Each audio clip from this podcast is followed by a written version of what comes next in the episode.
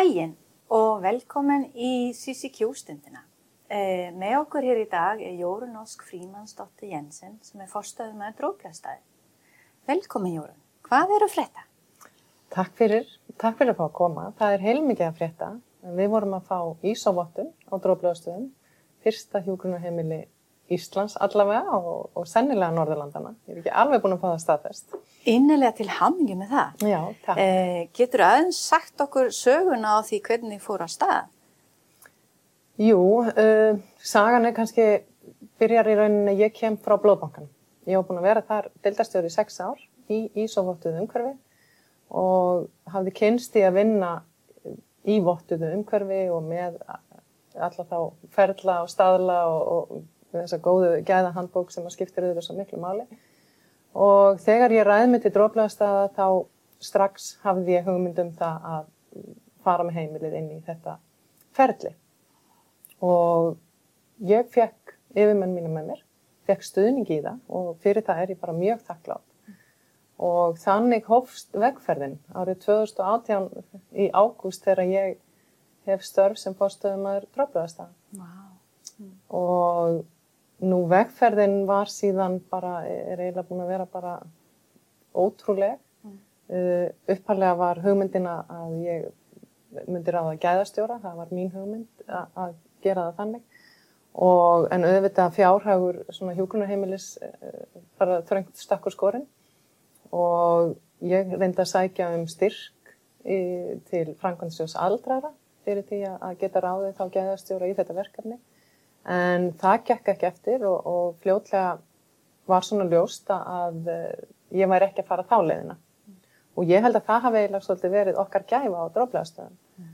og uh, þannig að það sem við gerum að við í rauninni uh, stopnum gæðaráð, tíu saman mm. og þá með stjórnenda hópin svolítið og, og leikila aðila úr starfseminni og þar sem hver og einn fekk bara sitt hlutverk og, og þannig höfum við unnið þetta. Já. Við erum búin að vinna þetta í mikil saminu með, og þetta er bara frábært starfsfólk Já. sem var svo til í breytingar.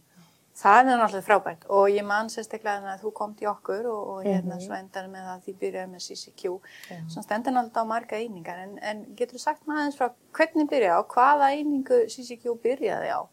Til að innlega vottunarferlinu. Það er kannski líka mikilvægt að segja, sko, auðvitað, ég kem úr fókalum hverfunu frá, frá blóðbankanum og þannig að það fyrsta er í rauninni að fara að velja okkur hvaða gæðakerfi ætla við að nota mm -hmm. við þetta og þar er mitt hitt ég þig sennilega í fyrsta skipti og, og, og ykkur hér hjá Origo að þar sem að við vorum að velta og ég að velta fyrir mér fókal eða og, og fá kynningu á CSIQ lausninni mm. Uh, ástæðan fyrir því að CSQ var fyrir valinu var þetta uh, þessi netlaust, þessi þetta, þetta er í skíinu og, og hver og einn starfsmæður getur í rauninni farið inn í gæðakerfið og unnið í því og, og allir í gæðaráði gáttu unnið í því hvar sem er mm.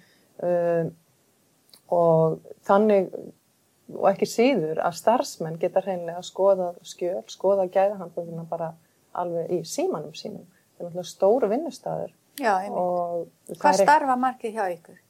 Það er um 160 manns á hverjum tíma uh, og það er, skilur þetta er ekki þannig vinnustæðar að það sé allir sitja allir við tölvu eða eitthvað sleik. Nei, ég ætla að reyna að spyrja það, eru allir, sem sagt, allir stafsmenn eru ekki með sína eigin tölva? Nei, nei, nei, það er bara enga meginn þannig. Já. En fólk skoðar þetta í símanum og getur flett upp skjölum í símanum, getur verið með sín uppáhaldsskjöl og staðfæst lestur og skjölum og annars líkt. Þetta er þetta er bara mjög mikilvægt allavega fyrir starfsemi eins og okkar mm. að hafa þann Já. hátting. Þú komst aðeins sína teiminu og þið stopnaði gæðaráð, getur þú sagt maður frá hvernig uppbyggingin á þessa gæðaráð og, og hvað hlutverk sem þau sinni hjá ykkur? Já, uh, gæðaráð er samsett sem sagt úr, sko, þetta er náttúrulega, þetta er rosalega langur ferill, það er ofsalega margt sem að gerist á leiðinni þegar við erum að innlega þetta. Uh, og hugsunin við skiptum gæða handbók í kabla eftir í rauninni starfseiningum. Mm. Uh, Gæðaráð er svolítið sniðið að því. Þannig að það er uh, yfir sjúkarþjálfarin erðar, yðvíþjálfin, það er einstaklingu frá eldusi, frá skrifstofu, frá hjúgrunnu, þetta, þar voru deildastjórarnir og hjúgrunastjóri sem hafa skrifað öll skjölinn í hjúgrunarhlutanum og þannig í rauninni verður gæða handbókinn til. Mm. Allir þessir einstaklingar höfður sitt hlutverk í því að skrifa gæða handbókinn. Sem því það í raun og vera að ábyrgin eru dreift bara þvert yfir eh, reksturinn. Hún er mjög dreift ja. yfir ja. bara starfseminna ja. og það vinnur enginn svona einn. Nei. Og það, sko, þess að segja það var okkar hefni að gæðastjórin var ekki ráðinn að fara að setja einhvern veginn heila starfsemi svona í hendurnar á einum aðila sem hefði síðan þurft að fara, já, að skrifa og fá fólk með sér. Það, það hefði allavega breytt ferlinu mikið. Hvað fannst þér að helsta áskoranir við horfa svona aðeins tilbaka núna eh, síðastlega árs? Sko, stærsta áskorunin var að fá fólki með sér. Mm. Það var þetta bara, eh, það var þar sem ég átti vona á að ég myndi bara lenda á vegg. Mm. Eh, komandi inn í, í svona, þú veist, hvað segir maður, svolítið fast heldi kannski skipula mm. og ætla að fara í svona breytingar Og það var það sem komi líka mest á óvert, hvað mm. fólk var tilbúið og tilbúið í breytingar. Mm. Og, og bara mannauðurinn eh, sem að er til staðar, mm. sko, það var bara, þetta var mjög spennandi vegferð og skemmtileg og búin að vera og er enn. Var þetta þá gæðanbókinn sem þið komum á stað með að skjálfesta skjöl nýður sem sagt þvertu við reksturinn eða var þetta einhver annan eining sem þið byrjaði á? Eða hvernig var röðina? Já, hvernig við tókum inn, uh, ég meina kerfið og, og alla þá, já, sko við byrjum á gæðahandbókinu. Við byrjum að skrifa gæðahandbókina og þar auðvitað byrjum að búa til kongulóna og reyna að sjá skipulægið og fatta hvernig við ætlum að gera þetta Eh, tökum fljótlega ákverðin ok, við ætlum að uh, skipta gæða handbókinu niður eftir þá starfseminni mm -hmm. uh, og við byrjum síðan að skrifa. Svo er þetta með uh, hérna, verkferðlana eða já, alla þessa ferðlagreiningu, svona starf sem eru þetta og sérstaklega í kannski svona eins og umönunar hlutanum þar sem við erum með alveg fullt af leiðbenningum, fullt af gátlistum mm. og öðru slíku, hvar átti það heima í síðan handbókinni, hvar, veist, hvað átti að vera vinnulýsing, hvað átti að vera verklagsregla, hvað átti að vera gátlisti leiðbenning og svo framvegð. Mm. Og þetta var svolítið rauglingslegt fyrir okkur í byrjun. Þetta var mikil, mikla pælingar og miklar, svona, miklar hugsanir sem þarna við, veist, þurfti að fara í gegnum og á einhverjum tímapunkti þá hreinlega ákveðum við, minnir að það hafi verið í janúar 2019 eða já, einhver tíman á, á því tímum við janúar, februar þá ákveðum við ok, við ætlum ekki að flækja okkur endilega í þessu hvað, hvaða leiðbynning á heima í hvaða verklagsreglu og svo framvegis heldur nú ætlum við bara að skrifa, við ætlum bara að skrifa við ætlum að skrifa leiðbenningar, við ætlum að skrifa gera gátlistana og við getum þá mögulega breytt því eftir á ef að það á ekki við akkurat á þeim stað sem við erum búin að staðsitja það ekki aðeins på. Mm. Og þetta held ég að hafa verið heila skref líka því að hitt var að þvælast svo mikið fyrir okkur og, og við einhvern veginn komumst ekki áfram. Þarna er, er eitt sem við gerum, annað sem við gerum sem var líka mjög mikilvægt, við tökum upp ábendingakerfið Já. Það bara, á meðan við erum að skrifa gæðahandbókina þá bara förum við strax í gang með ábendingakerfi og það er þarna í februar 2019 ég kynni það á, á stórum starfsmannafundum og starfsdögum sem við vorum með uh, þar sem ég fer að hvetja til ábendinga og hvetja aðstendendu til að koma með ábendingar, starfsfólk og aðra og bara með mjög einfaldri leið í gegnum vefslóð þar sem þú getur senda ábendingu hvar sem er og hvena sem er. Mm. Og þetta skiptir líka miklu máli. Einmitt, því þetta er náttúrulega leiðin til að við getum gert betur á morgun enn í dag. Já, og fá, fá strax upplýsingarna, hvar, hvar, skilur, hvar þurfum við að lagfæra, hvar, hvar eru við að gera eitthvað, já, við getum gert betur. Það er það sem við viljum Einmitt. gera. Eitt af því sem er í Ísóvatun, sem er mjög mikilvægt þátt í Ísóvatun, er náttúrulega með stöðu umbætur. Já. Og við viljum alltaf gera betur á morgun enn í dag og ábendingakerfið er eina leiðin til það. En ef við horfa svolítið baka núna þetta ferðalag, er það eitthvað sem þú séð þetta myndi nú vilja gera örvísi eh, í framtíðina? Eh, eitthvað sem þið hefur lært á fyrir reynslubankan að þetta gerur það sjálfsög sjálfsög er nú búin að gera vel að þetta er búin að ná vottun en, en ef þú horfa svolítið rannsaka sjálfa þig hvað serðu myndi kannski vera aðeins örvísi á morgunin í dag? Uh, ég var einmitt og ég sko fekk nú bara eina úr gæðaráðinu með mér í morgun til að, að, að spá í þetta. Því að, að uh, sko hvað myndi ég gera öðruvísi í dag heldur en ég veistu, í rauninni, ég myndi ekki gera neitt öðruvísi. En ég færi kannski fyrr í að strax bara mynda góðan hó ég væri ekkert að hugsa um hennan gæðastur það er það sem ég myndi gera öðruvísi. Mm. um, en að öðru leiti þá finnst mér bara, veistu, þetta gæti í rauninni ekkert hafa gengið betur. En, og, og segjandi það uh, það var líka atriði sem að skipti miklu máli í þessari og það var þetta, ok, hvað ætlum við að gera þetta á langun tím mm. Ok, maður er, maður er komið með góðan hóp, maður er komið með motivasjónina, þú er komið með fólki með þér og við erum alveg til í þetta, við ætlum bara, ok, við ætlum að gera þetta, við ætlum að fá vottur, mm. við ætlum ekki bara að til gæða handbók mm. og ég segi bara ef ég getur aðlagt einhverjum, skiluru, þú veist, fariði bara alla leið og mm.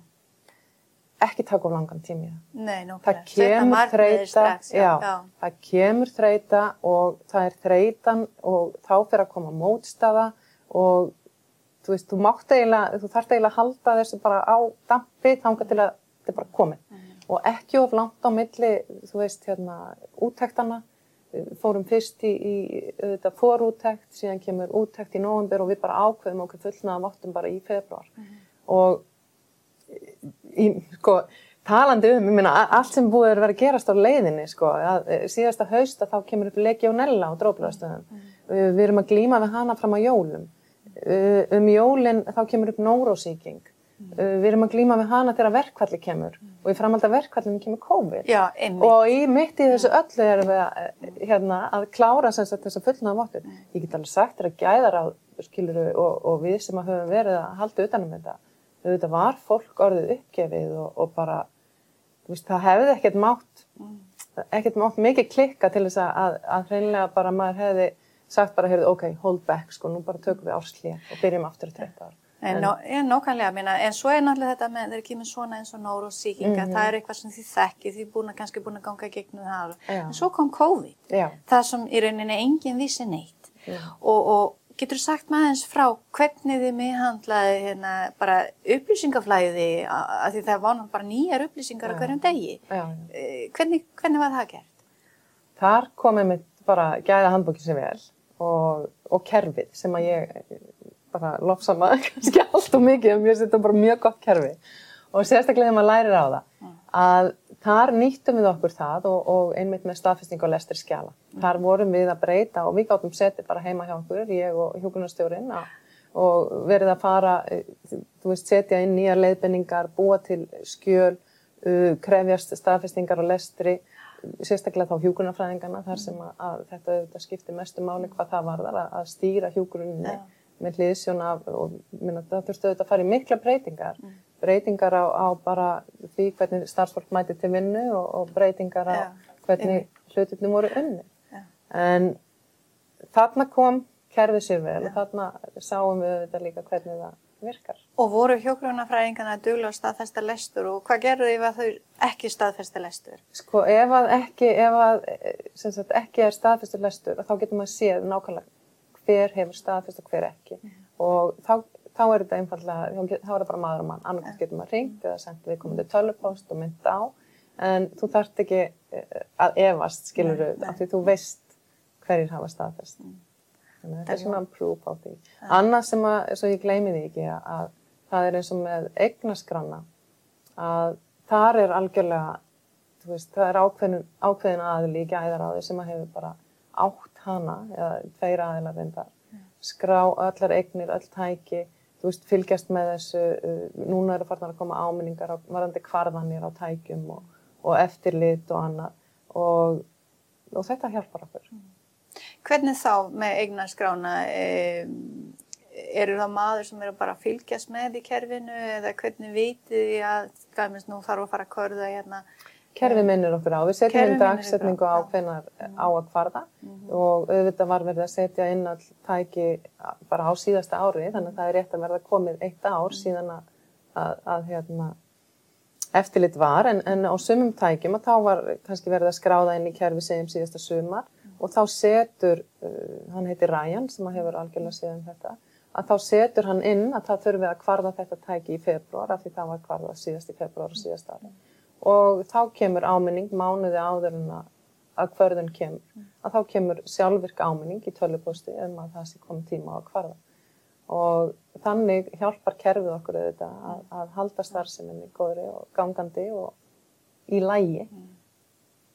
Það er mjög áhugavert að heyra þetta. En svo kom stóra dagurinn, eh, sem þið gerir svona aðeins örvísi. Viltu hérna segja maður aðeins frá hvað þið gerir? Já, við hérna þurftum auðvitað að býða, við fengum í rauninni vottunina í mars, uh, rétt eftir að, að við erum búin að loka heimilin og allt uh, í rauninni komið í stopp. Að, uh, þannig að við geymdum það bara að, að fagna því, en gerðum það núna í november, nei, bá, í mæ og við fengum borgarstjóra til að koma og taka á vóti skýrteininu fyrir okkur, fyrir Já. okkar hönd, því að auðvitað dróflegastæðir eru eigin Reykjavíkuborgar Mhm, og, og það eru fyrst og fremst kannski mínir, eh, hvað sem var, yfirmenn menn eða superiors sem að hafa stutt okkur í þessu og, og fyllt því eftir og verið tilbúinir að, leggja eh, það í það sem þurfti til þess að við getum komist þangað.